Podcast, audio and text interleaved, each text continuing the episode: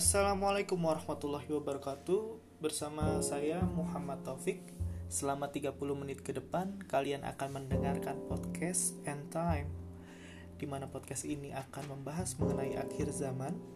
Di sini saya ingatkan bahwa saya bersama podcast ini hanya menjadi fasilitator bagi pendengar sekalian untuk memahami ilmu mengenai akhir zaman yang diajarkan oleh Maulana Syekh Imran Nazar Hussein.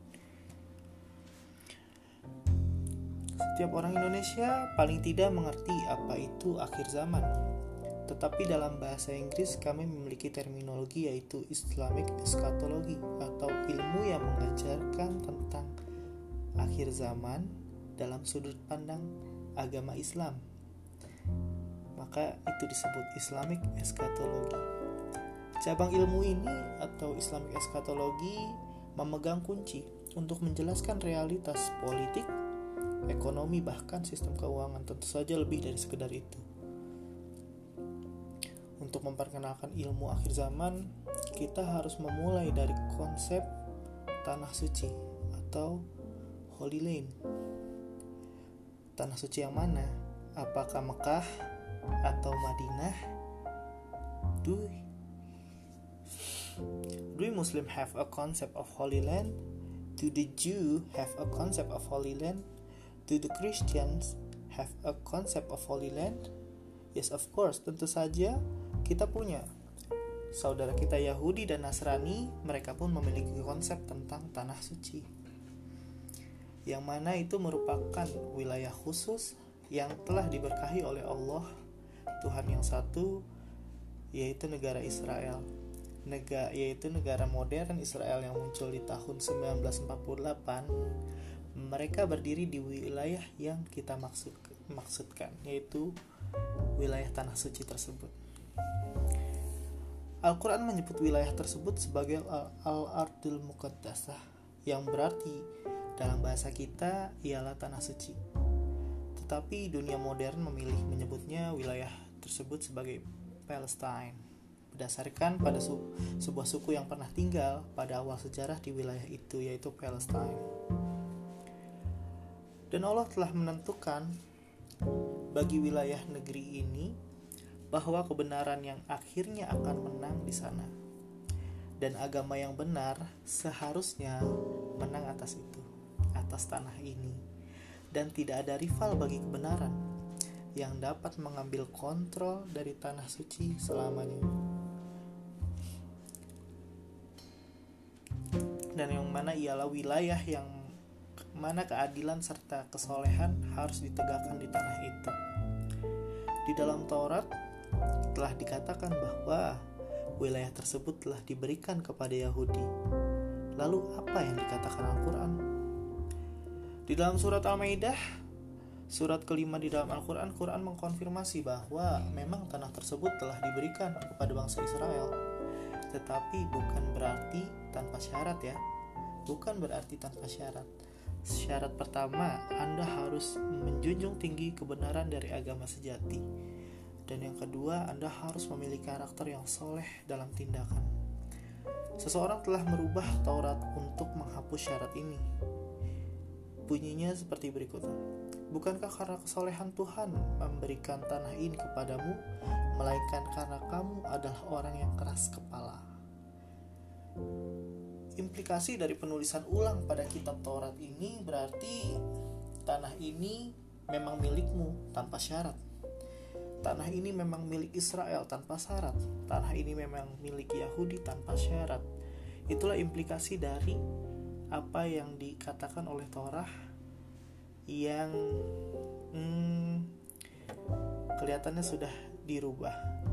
Maka dari itu mereka keras kepala, maka dari itu mereka punya keyakinan bahwa tanah ini memang milik mereka. Apakah kamu seorang yang soleh atau penindas? Tanah ini tetap milikmu dan kita harus memilih di, ma di manakah kebenaran itu berada. Ada dalam Quran atau kitab Taurat yang telah ditulis ulang tadi. Saya rasa tidak sulit bagi kita untuk memilih karena setiap kali bangsa Israel melanggar syarat tersebut, Allah mengusir mereka dari negeri itu. dan mereka mengkonfirmasi bahwa inilah yang terjadi. Israel memang telah mengkonfirmasi bahwa mereka telah diusir oleh Allah dari tanah tersebut satu dua kali. Terakhir kali kali terakhir kali mereka melanggar syarat Allah mengusir mereka ke Babylon atau ke Irak sebagai budak bagi hukuman mereka karena mereka telah menodai tanah suci tersebut. Di Irak Allah mengirimkan kepada mereka nabi untuk menginformasikan kepada mereka mengenai janji Allah bahwa Allah akan mengembalikan masa kejayaan mereka sebagaimana pada masa Daud dan Sulaiman alaihissalam. Jadi pada masa Nabi Daud dan Nabi Sulaiman, Israel merupakan negara superpower ketika itu. Negara yang memiliki kekuatan terbesar di dunia bahkan tidak ada saingan pada saat itu. Ketika suatu negara memerintah dunia dan tidak ada rival atau sekumpulan negara-negara yang menjadi rivalnya, maka itulah yang dikatakan sebagai negara superpower. Seperti saat ini, misalnya kita melihat beberapa negara yang dia punya kekuatan, maka kita akan katakan mereka sebagai negara superpower. Israel pada zaman Nabi Daud dan Nabi Sulaiman demikian tidak ada yang bisa menantang dan tidak ada yang bisa mengalahkan. Tetapi ketika Allah mengirimkan nabi ketika mereka telah di expel dari sana, diinformasikan oleh nabi tersebut bahwa akan ada seorang Mesias yang membawa tahta Daud. Jadi nabi ini, nabi dari Israel ini menginformasikan kepada rakyat Israel kepada kaum Israel bahwa akan datang seorang nabi yang akan menjadi pewaris tahta Daud akan menjadi Mesias, akan menjadi penyelamat bagi mereka, mengembalikan kejayaan yang pernah mereka rasakan dulu gitu. Mengembalikan lagi mereka ke tanah suci mereka yang sedang kita bahas tadi yaitu tanah Palestina, tanah Israel atau yang kita kenal wilayah tersebut lah. Jadi mereka sangat gembira karena masa keemasan itu akan terjadi lagi kepada mereka sebagaimana masa Daud dan Sulaiman. Sebelumnya, mengapa mereka diusir ketika setelah selesainya masa Sulaiman alaihissalam kita harus mengerti mengenai sejarah mengapa mereka tuh diusir dari tanah suci tersebut karena terjadi pemberontakan, terjadi perpecahan di antara mereka dan lain sebagainya macamnya. Terus kemudian mereka menulis ulang Taurat dan seterusnya dan seterusnya sehingga mereka terjadi perpecahan dan dikalahkan oleh Babylon ketika itu. Allah mengutuk mereka. Nah, sekarang diinformasikan oleh Nabi Nabi Daniel mengenai kedatangan seorang Mesias yang akan mengembalikan kejayaan Daud dan Sulaiman. Jadi masa keemasan tersebut akan kembali pada saat Mesias diutus. Tapi ketika Allah mengirimkan Mesias kepada mereka, ketika Allah mengirimkan Mesias kepada mereka, beberapa dari mereka menerimanya. Tapi, tapi para pemuka agama atau yang disebut sebagai rabi dalam Yahudi, mayoritas dari mereka menolaknya. Kenapa mereka menolak? Mereka bilang ini anak haram. Mereka mengatakan bahwa ini anak haram dan anak haram tidaklah mungkin menjadi seorang Mesias. Ya, kita sedang membicarakan tentang Nabi Isa alaihissalam. Nabi Isa adalah Mesias yang kita maksud. Dan ketika mereka menghukumnya, Nabi Isa tumbuh, terus kemudian Nabi Isa membuktikan tentang kebenaran tersebut. Nabi Isa menantang dan mencekal segala macam bentuk praktek atau kesalahan, tindakan-tindakan yang tidak soleh di sana, dan seterusnya. Nabi Isa adalah sosok kritikus keras, bukan hanya dengan mulut tapi dengan perbuatan. Jadi istilahnya Nabi Isa ini dianggap sebagai seorang penista agama bagi kalangan rahib-rahib Yahudi yang memang kepentingan mereka terganggu oleh kehadiran Nabi Isa alaihissalam pada saat itu. Maka dari itu gitu, hal yang paling besar yang di yang telah dilakukan dan diinformasikan oleh Nabi Isa ialah bahwa ia mengatakan dirinya adalah Al-Masih atau Mesaya. Dan ketika mereka menghukumnya dengan hukuman mati, pada saat itu ditentukan oleh para rabi Yahudi bahwa memutuskan bagi Nabi Isa yaitu hukuman mati, yaitu hukuman salib. Karena mereka menganggap hal ini adalah penistaan bagi agama mereka. Menganggap dirinya sebagai Mesias sedangkan Mesias itu adalah sesuatu yang sangat sakral dan ditunggu oleh mereka. Sedangkan Nabi Isa memiliki latar belakang demikian gitu. belum seperti halnya dianggap oleh mereka anak haram penista dan lain sebagainya itu adalah menjadi pengganggu bagi mereka. Dan mereka menyaksikan dia Nabi Isa alaihissalam dalam kayu salib.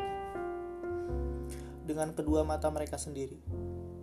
Orang-orang Yahudi ini menyaksikan Nabi Isa di kayu salib dan mereka dengan kedua mata mereka sendiri mereka saksikan pada saat pengeksekusian itu yang sebenarnya penguasa Roma saat itu yang berkuasa atas tanah Israel tersebut sebetulnya enggan untuk mengeksekusi Nabi Isa alaihissalam. Tapi kemudian banyak hal yang membuat rabi-rabi itu memaksa penguasa untuk menyalib Nabi Isa alaihissalam.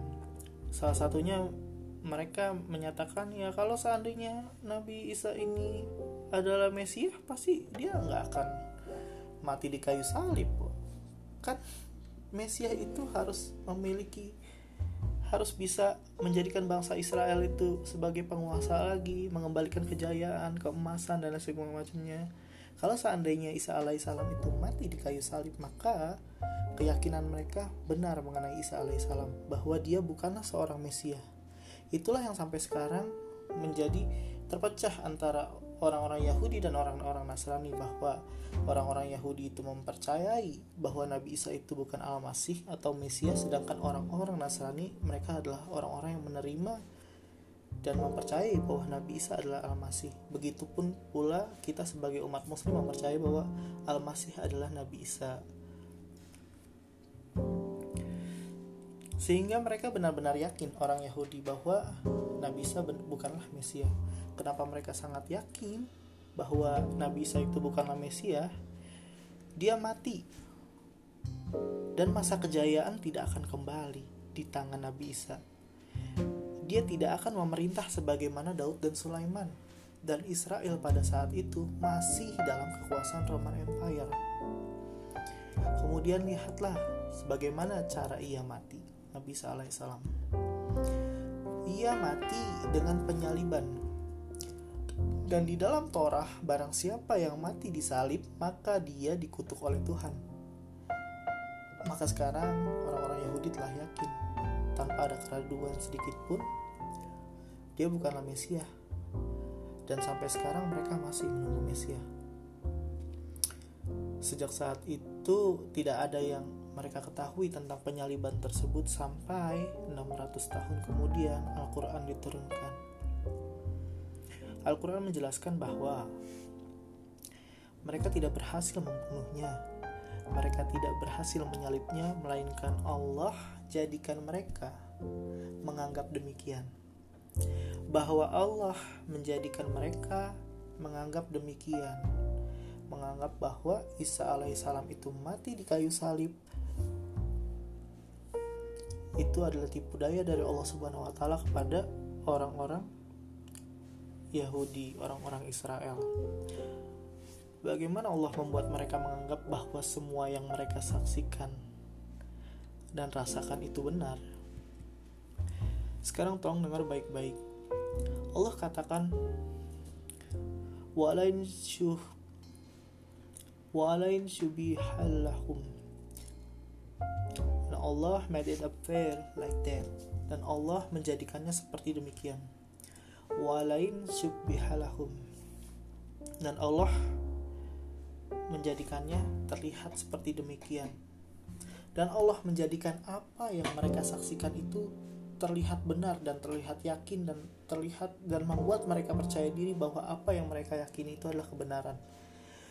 Tetapi dengan alasan misterius, ada penjelasan secara misterius dari sebuah buku yang dikeluarkan Vatikan 100 tahun lalu, yaitu Gospel Barnabas. Mereka meyakini pandangan yang misterius ini yaitu Nauzubillah menjalik.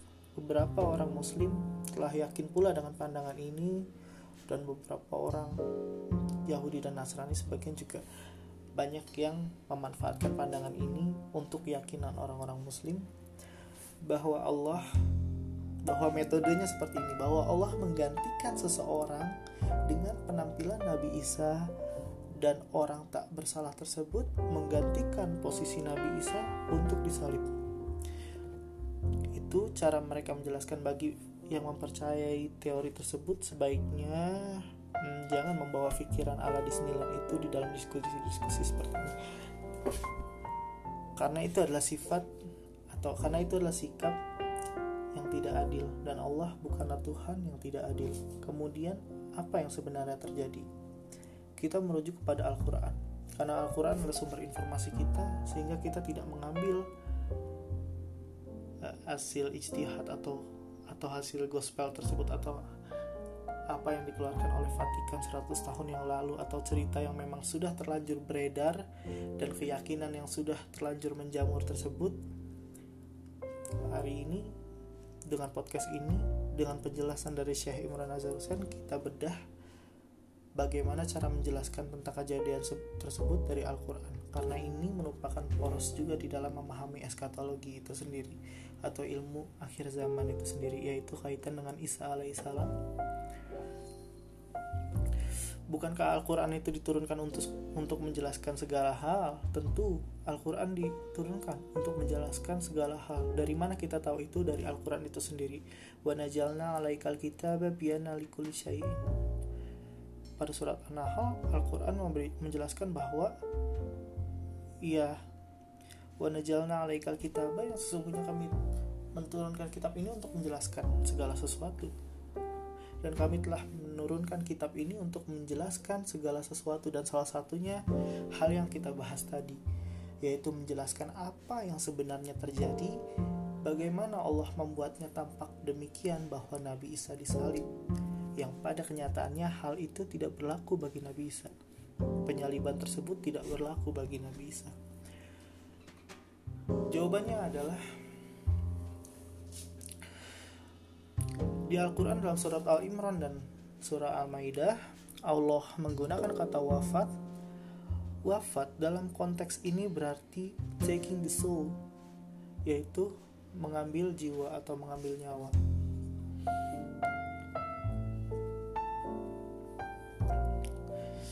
Pemerintah nggak ngambil nyawa nih, bank juga nggak ngambil nyawa. Hanya malaikat yang diizinkan untuk mengambil nyawa kamu dan Allah memerintahkan malaikat untuk mengambil nyawa kamu atau jiwa kamu. Jadi dalam konteks ini implikasinya Allah mengambil jiwa Nabi Isa alaihissalam. Apa mungkin bahwa jiwa yang telah diambil kemudian dikembalikan? Mungkin. Apa mungkin jiwa yang telah diambil oleh Allah Subhanahu wa taala kemudian Allah kembalikan jiwa tersebut? Mungkin nggak? Jawabannya ada pada surah Az-Zumar. Allah menjelaskan sekarang kita harus pelan-pelan karena hal ini adalah poros dari Islamic eschatology itu sendiri. Islamic eschatology berkisaran pada titik ini. Di dalam surah Az-Zumar Allah katakan A'udzubillahi minasyaitonirrajim Allahu yawaffal anfusahina mautiha Allah take the soul and at the time of maut. Jadi Allah mengambil jiwa pada waktu kematian, pada waktu maut itu datang. Wala tilam tamut fi manamina. And those who soul not taken when you are awake. Allah take the soul when you are asleep. Dan bagi jiwa yang tidak diambil ketika badannya itu awake, terjaga. Dan Allah mengambil jiwa itu ketika kamu dalam keadaan tidur. Di sini dijelaskan bahwa tidur juga merupakan proses diambilnya nyawa kita dari tubuh kita, diambilnya jiwa kita dari tubuh kita. Perhatikan sekali lagi konteksnya bahwa di sini Allah katakan bahwa tidur merupakan proses pengambilan jiwa kita di dalam diri kita. Volume siku lati khoda alaikal maut. He then keeps the soul for whom maut is written. Kemudian Allah menahan jiwa itu, menahan nyawa tersebut untuk siapa yang telah mautnya tertulis atau kematian telah tertulis padanya. Wa yunsilul ukhra ilal ajalim musamma. And for the whose mouth is not yet written Allah return the soul dan kepada siapa yang padanya maut itu belum tertulis maka Allah mengembalikan soul tersebut jiwa tersebut. Jadi apakah Allah bisa mengembalikan jiwa kita? Ya Allah memberikan contoh ketika kita tidur. Tersebut Allah ketika kita terbangun dari tidur kita maka Allah telah mengembalikan dan mengizinkan nyawa itu kembali ke tubuh kita karena maut belum tertulis pada diri kita kita mengetahui satu hal di sini bahwa Allah mengambil nyawa ketika Anda tidur. Dalam kasus ini bukan berarti kamu mati, bukan berarti kamu mati. Sekarang semuanya jelas bahwa Allah mengambil jiwa dalam konteks wafatnya Nabi Isa, jika Allah mengambil jiwa dan tidak mengembalikannya berarti benar maut telah dituliskan padanya. Tapi ini kebenarannya mereka menurunkan jenazahnya dari kayu salib Nabi Isa alaihissalam karena mereka telah yakin bahwa Nabi Isa meninggal. Salah satunya ada penguasa Roman yang ngecek dulu tuh dengan tombak untuk menusuk bagian perut Nabi Isa. Jika tidak ada respon maka mereka meyakini bahwa Nabi Isa itu telah meninggal. Mereka mempersiapkan jenazah dan mereka menyimpannya ke dalam gua. Kemudian gua itu ditutup dan dijaga oleh penjaga Romawi kemudian saat itu Allah mengembalikan jiwanya sehingga dalam hal ini Allah telah menetapkan bahwa Nabi Isa tidak mati di kayu salib dan Nabi Isa tidak disalib. Karena disalib itu berarti adalah mati di kayu salib. Sehingga itu menjadi pertanda bahwa orang tersebut dikutuk oleh Allah dalam terminologi Yahudi tadi. Dan ketika jiwa sampai pada jasad maka hidup hiduplah jasad tersebut. Kemudian Allah mengangkatnya sebagaimana Allah mengangkat Rasulullah dalam Isra Miraj, mengangkat dengan segala yang ada, jiwa, raga, Allah mengangkat Nabi Isa ke sisinya yang artinya Allah telah mengambil Nabi Isa dari material universe kita. Dan di akhir zaman nanti Allah akan mengembalikan karena masih ada hal yang harus beliau tuntaskan. Nabi Isa alaihissalam salah satu subjek akhir zaman yang harus kita pelajari ada banyak berbagai macam subjek seperti halnya Al-Masih Dajjal, Dajjal sang Al-Masih palsu, ada pula Yajuj dan Majuj. Kemudian ada da Batul Ard. Masih ada 10 poin yang harus kita pelajari tentang akhir zaman dan hal-hal yang berkaitan dengan akhir zaman. Dan di sini adalah pengantar untuk kita membahas lebih jauh mengenai akhir zaman itu sendiri tidak hanya sekedar itu tapi kita juga akan membahas tentang sistem ekonomi yang ada sekarang, sistem politik yang ada sekarang, sistem keuangan, terus kemudian tentang bagaimana sistem pergaulan hari ini, pernikahan hari ini dan seterusnya, semua itu akan kita bahas apa kaitannya dengan ilmu Islamik eskatologi ini. Saya Taufik, wassalamualaikum warahmatullahi wabarakatuh.